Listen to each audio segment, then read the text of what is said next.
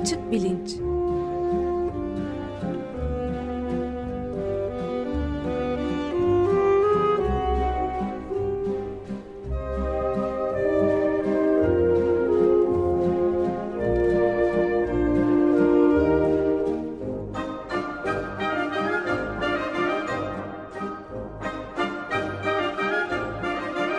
Güven Güzeldere ile bilim ve felsefe sohbetleri. Günaydın Güven Bey. Günaydın. Günaydın Güven Bey. Günaydın Can. Hoş geldiniz. Hoş bulduk. Konuğumuz var. Evet bu sabah bir konuğumuz Canlı var. yayındayız. Canlı yayındayız. Ee, İstanbul Üniversitesi Fizyoloji Anabilim Dalı'nda Profesör Tamer Demirel. Hoş geldin. Hoş bulduk. Hoş geldiniz. Hoş geldiniz. Şimdi e, Tamer'e Tamer hocam falan demem lazım aslında ama O zaman ben de hocam derim. Peki o zaman izninizle Tamer derim. Tamer diye hitap edelim. Biz e, epey bir haftadır beyin bilimleri hakkında konuşuyoruz. Hem bu e, sinir bilim kongresini e, bir parça izledik iki hafta. Geçen hafta da e, beyinde cinler konusuna değinmiştik. Şimdi bu haftada beyin görüntüleme e, konusunda konuşalım e, diye düşündük.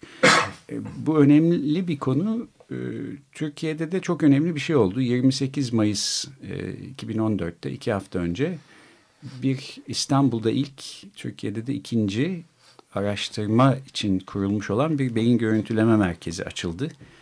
E, bu merkezin e, bir tek açılmasını değil, kurulmasını ve hayata geçirilmesini sağlayan kişi Tamer Demirel. Bu açıdan e, Türkiye'nin bütün beyin bilimcileri kendisine minnettar. E, bu da ayrıca gerçekten yani nasıl e, e, 20. yüzyılın başında çok kuvvetli bir e, e, başka tür e, görüntüleme cihazları olmayan bir biyolog mesela e, karanlıkta kalmış e, e, olacak idiyse mikroskobu olmayan bir biyolog 21. yüzyılın başında da beyin görüntüleme cihazlarına sahip olmayan beyin bilimciler biraz kendilerini aynı durumda buluyorlar. E, artık böyle bir merkez var İstanbul'da ve araştırmalar e, giderek yükselecek diye umuyoruz. E, biraz bu merkezin kurulma hikayesinden belki başlayalım diye düşündük. Çünkü çok da para isteyen e, ve çok emekle kurulabilecek e, e, merkezler bunlar. Ben, ben ona girmeden bir tek e, bir açıklamaya belki ihtiyacımız olabilir. Beyin görüntülemek ne demektir tam olarak ve ne ne işe yarar? Evet, çok, çok basit. Güzel. Orada, oradan başlayalım. Ee, aslında beyin yapıyla işlev arasındaki bağıntının en zor kurulabildiği organımız diyelim. Yani organdan öteye bir yapı olarak düşünmek lazım. Bütün vücut sistemlerini, organlarını denetleyen bir e, merkezi işlemci olarak düşünürsek e, diğer sistemlerde olduğu gibi e, yapısal özellikleriyle işlev arasındaki ilişkiyi kurmakta zorlandığımız bir şey. Görüntüleme dediğimiz zaman tabii öncelikle anatomik bu şekli özelliklerin ortaya konması anlaşılıyor. Çok uzun yıllar boyunca da aslında bu bahsettiğimiz görüntüleme teknolojileri bu amaçla kullanıldı. Ama şöyle böyle işte bir 15-20 yıla yakın bir süredir bu görüntüleme teknolojileriyle aslında işlevin ya da işlev sırasında aktiflenen beyin bölgelerinin ortaya konması da mümkün olduğu için çok önemli bir açılım sağlıyor. Yani belli bir görevi yerine getirirken beyin veya işte bir takım sinyalleri işlerken e, hangi bölgeleri aktifleniyor? Bu görüntüde aydınlanıyor değil görüntüde mi? Görüntüde bunlar aydınlanıyor. aydınlanıyor. Evet. Orası demek o bu o bölge bunu kontrol ediyor diye bir sonuca evet. varmış oluyoruz yani. Yani şöyle aslında belki güven o konuda felsefi açıdan çok da e, derinlemesine yorumlar yapabilir. Burada e, yani işlevi tamamen bir beyin bölgesine atfetmek değil kastedilen. Şimdi böyle bir e, lokalizasyoncu bir yaklaşımın doğru olmadığını da biliyoruz beyinle ilgili ama yine de özelleşmiş bir takım yapılar var ve bunlar belirli işlevler sırasında bir arada çalışıyorlar yani birbirleriyle etkileşerek onu ortaya koyabilmek açısından büyük bir imkan açıyor. Yani beynin e, yapısını e, görmenin ötesinde hareket halindeyken beyin e, neler yapıyor bunu bir şekilde gerçek zamanda izleyebilmek mümkün oluyor. Tabii değişik yöntemlerle bunu izlemek mümkün. E, beyin dalgalarına bakarak izlemek de mümkün. Bu e, Türkiye'de bu teknoloji vardı. EEG ile yapılan. Bu kurulan beyin görüntüleme merkezi fonksiyonel e, görüntüleme. Belki Tamer bize bunların farkından biraz bahsedebilir. Aslında bizim hakikaten birikimimiz daha çok elektrofizyoloji ağırlıklı bu konuda. Türkiye'de bayağı bir birikim mevcuttu doğrusunu söylemek gerekirse. 70'lerden başlayan e, elektroensefalografik sinyallerin ölçümüyle beyin işlevlerini araştırmaya yönelik işte Hacettepe'de Erol Başar grubunun yaptığı çalışmalar daha sonra ona eklenen pek çok grup. Biz de bunlardan birisiydik. Yani elektrofizyolojik ölçümler tabii bir defa maliyet olarak çok daha e, kolay temin edilebilen sistemler olduğu için EEG sistemleri bu şekilde çalışıyorduk. E, hala da çalışıyoruz bu arada. Yani onu da vurgulamakta fayda var. Bilimde aslında her yeni gelen teknoloji böyle bir büyük bir şey yaratıyor. İşte şimdi doğru teknolojiyi bulduk duygusu bu doğru değil. Yani MR'la kurduğumuz çok pahalı sistemle yapabildiğimiz bazı şeyleri pardon yapamadığımız bazı şeyleri elektrofizyolojiyle yapma imkanı var. Temel farklılık aslında e, elektriksel aktivite bize çok daha hızlı sinyaller veriyor beyindeki işlevlerle ilgili. Yani milisaniyeler içinde ne olduğunu ölçme imkanı veriyor ama buna karşılık işte demin bahsettiğimiz o beynin neresi bu işi yapıyor sorusuna pek cevap veremiyor. Hmm.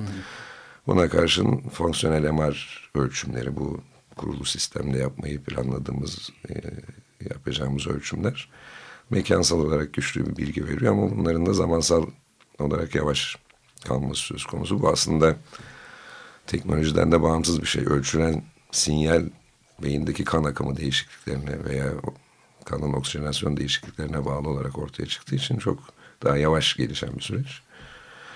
Dolayısıyla bizim aslında önümüzdeki hedeflerden bir tanesi de bu ikisini bir arada ölçebilmek ki bu ölçümlere biz başlamıştık aslında daha önce bu e, mevcut klinik amaçla kullanılan bir MR cihazı üzerinde EEG fMRI ölçümlerini eş zamanlı yapmaya. Onu burada biraz daha iyi geliştirmek istiyoruz.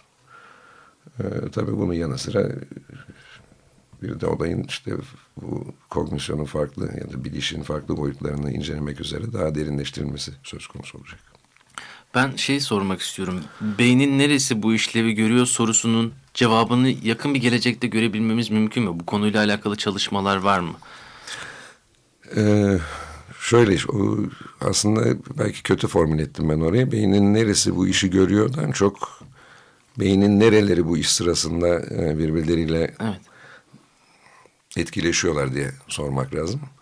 Öyle bakınca e, oldukça karmaşık bir problemle karşı karşı olduğumuz ortaya çıkıyor. Dolayısıyla burada böyle bir yani işte o kritik noktaya geleceğiz ve artık beynin işlevleri tam olarak nasıl gerçekleştirdiğini bu teknolojiyle göreceğiz demek fazla iddialı bir şey olur. Ama çok yeni bir şey açtı, yeni demeyelim de çok güçlü bir perspektif açtığı kesin. Peki Tamer Bey ben de şunu ilaveten sorayım. Bu e, bütün bu şeyler e, çok temel bir tartışmanın da e, bir parçası oluşturuyor gibi geliyor bana. Yani bir indirgemeci yaklaşım Hı -hı. var. Aslında işte bir hastalık diyelim ya da iyi gitmeyen bir şey ve ona karşı bir tek bir vurucu noktadan ilaç buluruz, aşı buluruz ve hallederiz gibi. Oysa e, biraz önce e, sizin de yaptığınız açıklamalardan daha da net olarak e, benim anladığım şu ki her şey olağanüstü karmaşık bir yapı içinde. Doğada da öyle.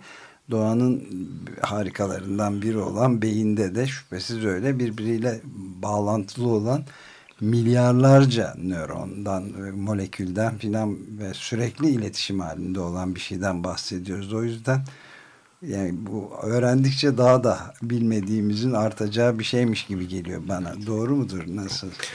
Kesinlikle öyle. Yani şu, en azından şu anda böyle bir e, yani bu e, beyin zihin probleminin çözümünü buradan yakaladık ve burada işte biyolojik temellerini zihinsel süreçlerin çözebileceğiz gibi bir iddia e, komik bir iddia olur herhalde. Ama şu çok önemli yani bu çoklu sistemlerde birbirleriyle çok fazla etkileşimli sistemlerde ağ yapılarının analizi önemli bir, bir takım yeni bilgiler sağlayabiliyor evet. bize.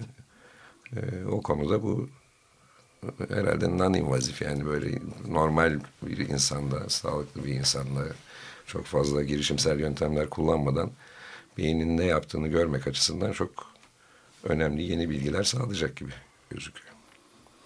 Belki bir de şu söylenebilir, beyin görüntüleme yöntemleri hali hazırda hep e, doğrudan değil e, indirekt, dolaylı bir takım e, şekillerde ne olup ne bittiğini ölçüyorlar. Bundan da kastım şu, e, bir işlevi gören bir nöron grubunun e, hücresel olarak nasıl değişikliklerde bulunduğunu çok e, incelikli bir şekilde ölçemiyoruz. E, MR cihazı o nöron grubunun e, ne kadar oksijen kullandığını, kan akışının e, kan akışındaki oksijen değişikliğine bakarak ölçüyor. Dolayısıyla oradan da bir çıkarım yapmak zorundayız. E, daha çok oksijen kullanan, kanın daha çok gittiği yerlerdeki hücreler e, bu işlevde daha büyük rol oynuyorlar diye bir e, büyük ihtimalle doğru da bir yaklaşım. Ee, MR e, teknolojileri zaten bu varsayım üstüne kurulmuş vaziyette. Ama günün birinde belki hücrelerin içindeki değişiklikleri doğrudan gözleyebilecek bir teknoloji de gelişebilir. O zaman daha ciddi bir şekilde bakıyor olabiliriz. Kan akışına bağlı olduğu için e, ölçülen sinyal e, Tamer'in de dediği gibi belli bir zaman e, çerçevesi, penceresi içinde ancak bakılabiliyor. Milisaniyelerle bakılamıyor. Ancak saniyeler e, boyunda bakılabiliyor. E, en son e, dünyada bilim insanlarının elindeki teknoloji bu. 10, 20, 30 sene sonra başka teknolojiler olacağı mümkün gözüküyor. Belki şunu Tamer'e ben sorayım. İstanbul'da her yer MR çekme merkezleriyle dolu. bir sürü MR cihazı var gibi gözüküyor. E, niye bu beyin görüntüleme e, İstanbul Üniversitesi'nde e, senin ön ayak olduğun açtığın beyin görüntüleme merkezinde bir MR cihazı olması bu kadar önemli ve niye bu kadar e, zaman aldı bunun kurulması? Güzel.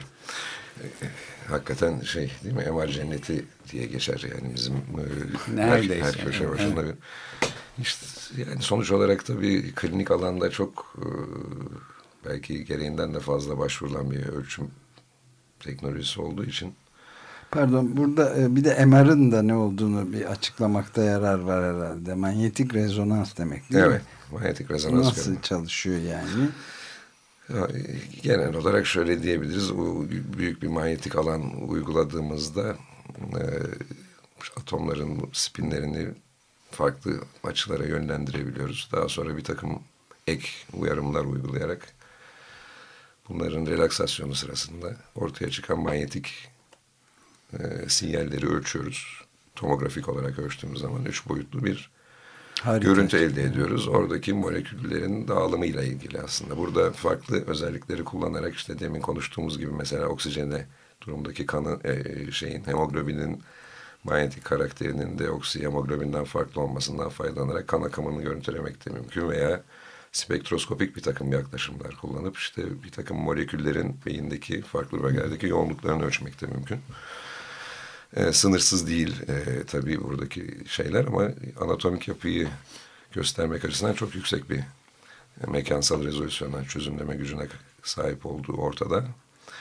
Ee, işte fonksiyon sırasında biraz daha hızlı ölçüm almak gerektiği için bu çözümleme kabiliyeti daha sınırlı tutuluyor. Fakat e, yine de şu anda bizim ilgilendiğimiz sorunlara cevap bulmak açısından e, işlev sırasındaki ölçümlerde bir önemli bir bilgi sağlıyor.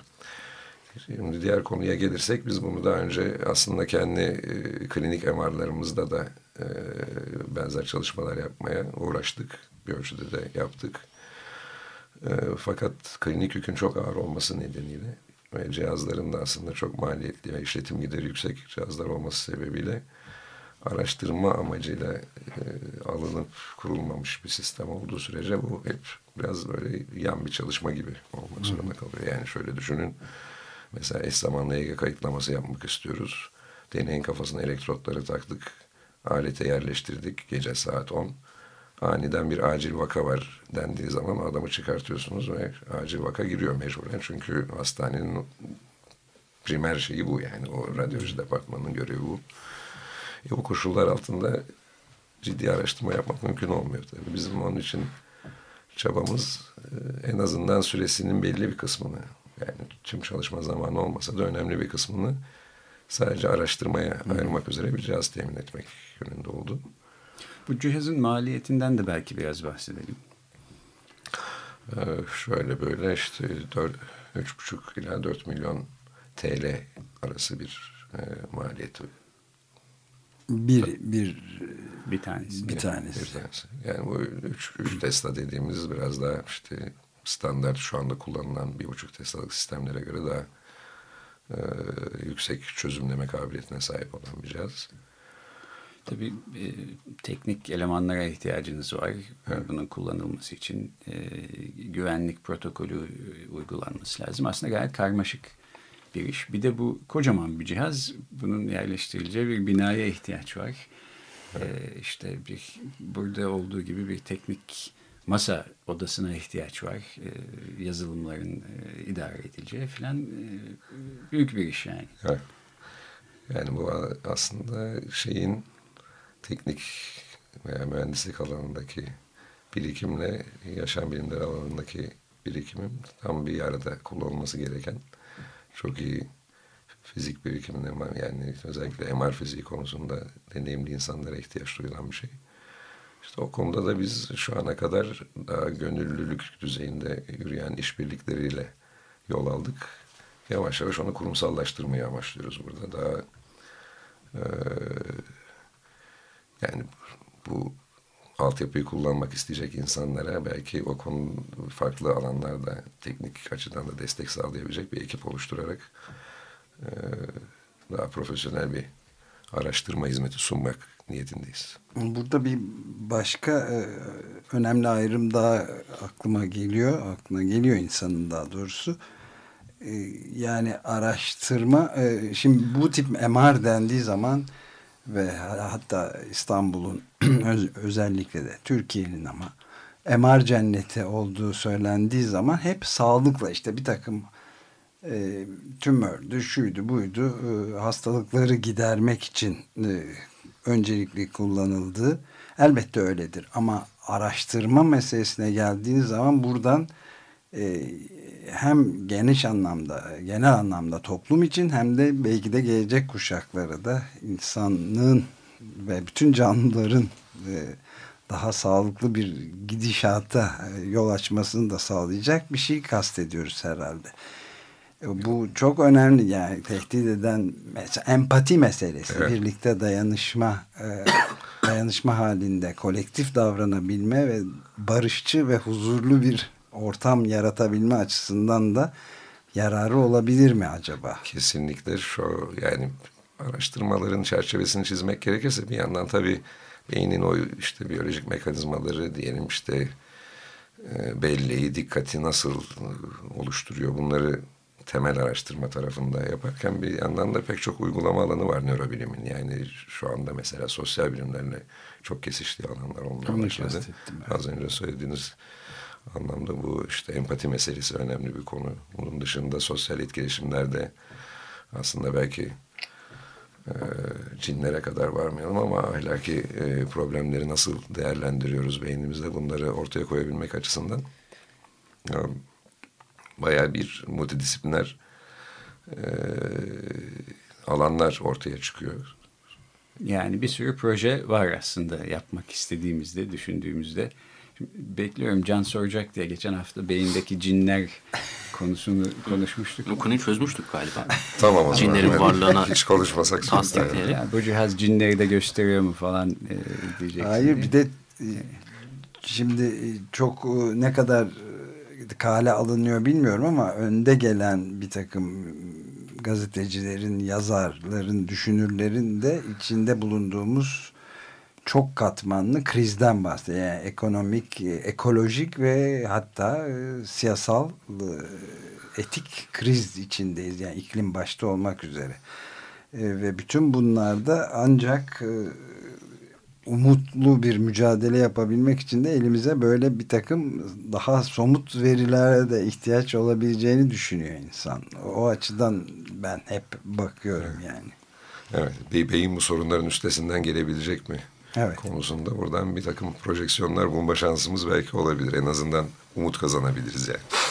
Evet, araştırmalar bu yönde mi? o, o yönde de gitsin. Yeni başlıyor aslında Türkiye'de e, bu anlamda bir fonksiyonel e, görüntüleme cihazıyla İstanbul'da en azından. E, fakat e, çok kısa bir zamanda e, birbiriyle yarışan, rekabet eden pek çok güzel proje olacağını ben düşünüyorum. E, ben Tamer'le 2006 senesinde tanışmıştım Boğaziçi Üniversitesi'ne ders vermeye geldiğim yıl.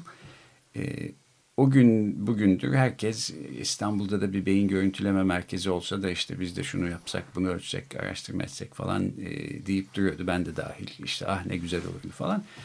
E, bu açıdan da yeniden e, Tamer'e teşekkür etmek istiyorum. Çünkü biz böyle ah keşke olsa falan derken böyle 3-4 milyon liralık e, bir cihazı alıp kuracak, bir merkez oluşturacak bir işin ucundan tuttu ve sonuna kadar getirdi. Tamer olmasa böyle bir merkez e, olmazdı bugün.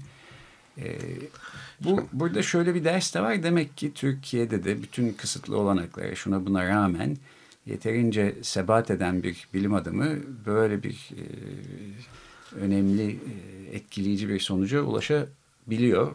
Bizi dinleyen başka üniversitelerde başka beyin bilimciler varsa onlar da bunu not etsinler.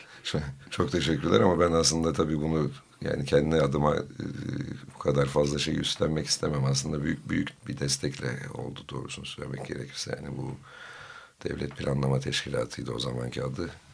Şimdi Kalkınma Bakanlığı oldu. Oraya bir kurumsal olarak yani İstanbul Üniversitesi'nin böyle büyük araştırma altyapılarını merkezi olarak yerleştireceği bir laboratuvar kurma e, şeklinde bir projeyle gidildi. O arada belki birkaç isme de değinmemde fayda var burada. Arif Kaygısız Hoca başta bu işte e, rol aldı. Çiğdem Kayacan hocamız e, yine bizim şu anda Deneysel Tıp Araştırma Enstitüsü müdürümüz olan Uğur Özbek, Ahmet Gül hocamız yani böyle güçlü bir ekip bir arada çalıştı ve aslında SALT bundan oluşmuyor proje. Yani moleküler biyoloji işte genom bilimle ilgili evet. bir takım altyapılar da temin edildi. Nörobilim tarafında da sağ olsunlar bana e, yani bu araştırma konusunu neyi alırsak İstanbul Üniversitesi için avantajlı olur veya Türkiye için avantajlı olur nörobilim alanında konusunda bir araştırma izni verdiler. Danıştık e, nörobilim alanında çalışan insanlara klinikte, temel bilimlerde. O doğrultuda hakikaten bu, bunun büyük bir eksiklik olduğu hissedildi ve e, kapatma niyetiyle bu girişimde bulunduk. Şey konusuna gelince ben kendi araştırma alanım tabii çok sosyal nörobilim yönelimli değil. Bu arada şeyi söyleyeyim tabii elektrofizyolojik olarak biz bu gezi eylemleri sırasında bazı ölçümlerde yap, yapmadık değil ama benim için çok yeni bir ilgi alanı. Biz biraz daha temel e, mekanizmalar üzerine çalışıyor olsak da aslında bu farklı disiplinlerden insanların getireceği projelere açık bir sistem olacak. Yani o anlamda e, sanat algısından tutun işte sosyal bilimlerin değişik alanlarına kadar ilgi duyan insanlarla tabii e, yeterli birikimi e, temin ettikten sonra birlikte hareket etmemek için bir sebep yok. Altyapıya. Evet. evet. Genç nesiller e, bu bilim insanları nasıl e, karşılıyorlar bu durumu beraber çalıştığınız? Çok e, yani orada büyük bir heyecan uyandırıyor. Artı tabii şey çok önemli. Ben de burada şimdi karşı iltifat gibi algılanmasın ama Güven Hoca gibi yani yurt dışında bu işi çok e, derinlemesine yapmış insanların da bizde olan bağlantılarını sürekli canlı tutmaları da bu çalışmaların gelişmesinde bir çok önemli bir faktör. Yakın zamanda yapılan bu işte Ulusal Sinir Bilim Kongresi'nde Kamil Uğurbil e, Amerika'dan geldi katıldı. Güven Hoca katıldı. Ee, yani e, görüntüleme konusunda olsun, nörobilimin diğer alanlarında böyle bir etkileşimi sürüyor olması çok umut verici birincisi. Artı ben yine geçen hafta ben Almanya'da bir büyük e, Human Brain Mapping toplantısına katıldım. Orada da şunu gördüm yani bizim düşündüğümüzden çok daha fazla genç Türk araştırıcı yurt dışında oldukça iyi merkezlerde e, çalışmalara başlamış durumdalar. Bunlar yani lisansını bitirdikten sonra master, doktora çalışmalar için gitmiş durumdalar. Onlar da tabii böyle bir gelişmeden çok e, hoşnut oluyorlar ve o umut verici hakikaten. Yani burada e, sanki nörobilime böyle büyük bir hız kazandırma sorumluluğumuz var gibi gözüküyor. Evet, genç genç beyin bilimciler için aslında Türkiye'de beyin bilimleri Rönesansı'nın ilk başı bulunmaz bir fırsat. e, çünkü yepyeni çok e, etkileyici bir cihaz var ve çok kullanan kişi şimdi yok şu anda. E, kullanma için vakit var, e, imkan var, istek var. E, bunu duyan koşsun gelsin. Evet. Herhalde burada bitirebiliriz. Evet, konuğumuz Tamer Demiraltı, profesör e, İstanbul Üniversitesi Fizyoloji Anabilim Dalı'ndan ve yeni iki hafta önce açılmış olan yeni beyin görüntüleme e, merkezinin e, kurulmasında da öncülük e, etmiş bir e, Türkiye'nin en önde gelen e, sinir bilimcilerinden teşekkür ediyoruz kendisine için. Ben çok teşekkür, teşekkür ediyorum. Görüşmek üzere. Görüşmek üzere.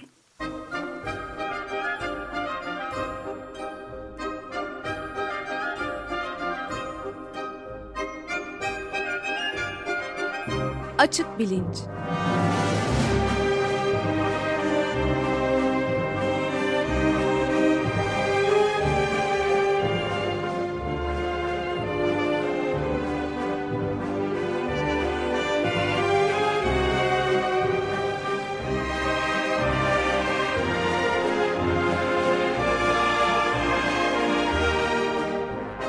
Güven Güzeldere ile bilim ve felsefe sohbetleri.